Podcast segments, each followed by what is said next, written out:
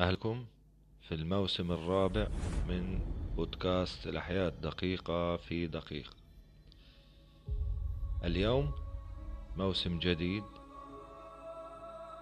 سأتحدث فيه عن كائن دقيق وهو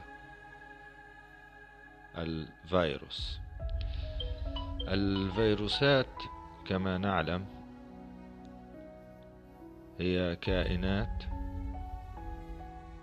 صغيرة جدا حيث يبلغ قطرها بين عشرين إلى ثلاثين نانومتر. ومن لم يعرف في القياسات فقياس النانومتر هو واحد على مليار من السنتيمتر والمليار هو عبارة عن واحد وأمامه تسعة أصفار. الفيروسات هي أصغر عوامل العدوى أو الإصابة على وجه الأرض وهي تحتوي على نوع واحد فقط من الحامض النووي وهو عبارة عن جينوم يتكون الفيروس من جينوم محاط بغلاف بروتيني والجسيمات الفيروسية لها القدرة على التكاثر داخل خلية العائل. أو بمعنى آخر المضيف. فقط في الكائنات الحية فقط. أي لا ينشط في الكائنات أي لا ينشط خارج جسم الكائن الحي يكون ميتا أو غير نشط. ولكن عندما ينتقل إلى داخل جسم الكائن الحي فإنه ينشط ويسبب أمراض وعدوى. مصطلح الفيروس مأخوذ من الكلمة اللاتينية السم. تعرف الفيروسات بأنها فيروسات مرشحة وذلك لأنها تعبر أو تنفذ من خلال مرشحات البكتيريا. هذا شيء عام عن الفيروسات. ننتقل إلى الخواص العامة للفيروسات الفيروسات لا تشبه أي صنف من الكائنات المجهرية. هي كائنات لا خلوية. وهناك مجموعة فروقات بينها وبين الكائنات الحية المجهرية الأخرى. فلنأخذ مثال نقارن بين الفيروس والبكتيريا. أولا هي أصغر من البكتيريا. ثانيا تمتلك الفيروسات نوع واحد فقط من الحامض النووي وليس كلا كليهما مثل البكتيريا.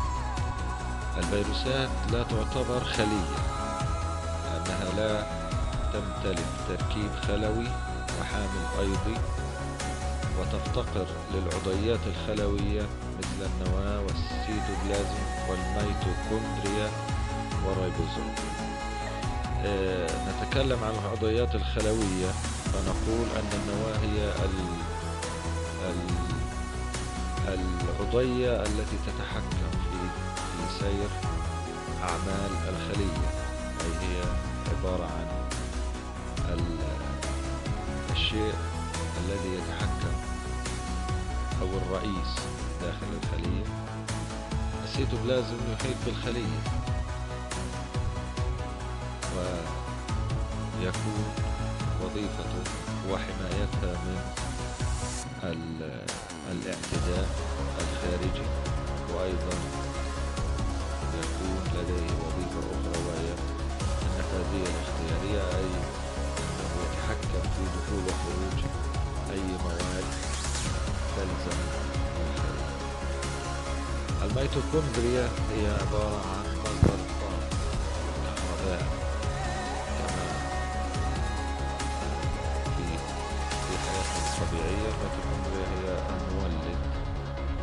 الذي يولد الطاقة داخل الخلية الريبوزومات هي عبارة عن المصنع الذي يقوم بتصنيع البروتينات التي تستخدمها الخلية في آه، عملياتها و وتصدرها إلى الخارج. وتستفيد ويستفيد منها الجسم. آه هذا آه شرح بسيط لوظائف العضيات في الخلية. آه أيضا من الفروقات أن الفيروسات تعرف باسم الطفيليات داخل الخلية لأنها غير قادرة على استنساخ نفسها ولكنها تتضاعف فقط داخل الخلية المضيفة أو العائلة الحية. فرق آخر أن كل الفيروسات تكون مرضية وتصيب كل الكائنات الحية مثل الحيوانات والنباتات والفطريات والبكتيريا أيضا أي أنها أيضا تصيب البكتيريا وتسيطر عليها. آه، لكن البكتيريا آه، غير متخصصة لكن الفيروس هو متخصص أي أن الفيروس عندما يأتي إلى جسم الكائن الحي فإنه يقوم بعمل عدوى في جهاز خاص معين. مثلا الرئتين يقوم فيروس ب... يقوم هذا الفيروس بالتأثير على الرئتين ولا يضر الأجزاء الأخرى. لكن آه، في إذا انهار عضو من الأعضاء تمام فإن الأعضاء الباقية الأعضاء الباقية تنهار. آه، الفرق التالي هو أنه لا يمكن رؤية الفيروسات بواسطة الميكروسكوب الضوئي. قدرة الميكروسكوب الضوئي هي أربعين ضعف أعلى شيء. فلا يقدر على على كشف الفيروس تحته. لذلك تسمى الفيروسات كعوامل مجهرية فرعية لكنها ترى بواسطة المجهر الإلكتروني الذي لديه قدرة تكبير مليونية. آه، أي أنه يكبر ملايين المرات. آه، أيضا هناك فرق أن الفيروسات لا تتأثر بالعوامل المضادة أي أن هنا القصد بالمضادات الحيوية التي نستخدمها لكي آه، نخفف من حدة الأعراض البكتيريا. ولكن الفيروس حساس لعامل العلاج الكيميائي المضاد للفيروسات ومادة الانترفيرون. أكتفي بهذا القدر. هذه مقدمة الحلقة الأولى من الموسم الرابع. أرجو أن تكونوا قد استفدتم. في الحلقة القادمة سوف أتحدث عن تركيب الفيروس وستكون حلقة صعبة قليلا. وطويلة ولكن آه، سأحاول أن أختصرها. لا تنسوا دعمي على آه، منصة باتريون الرابط في وصف الحلقة. أرجو أن تكونوا قد استفدتم اليوم بقدر ولو قليل. شكرا لكم جزيلا.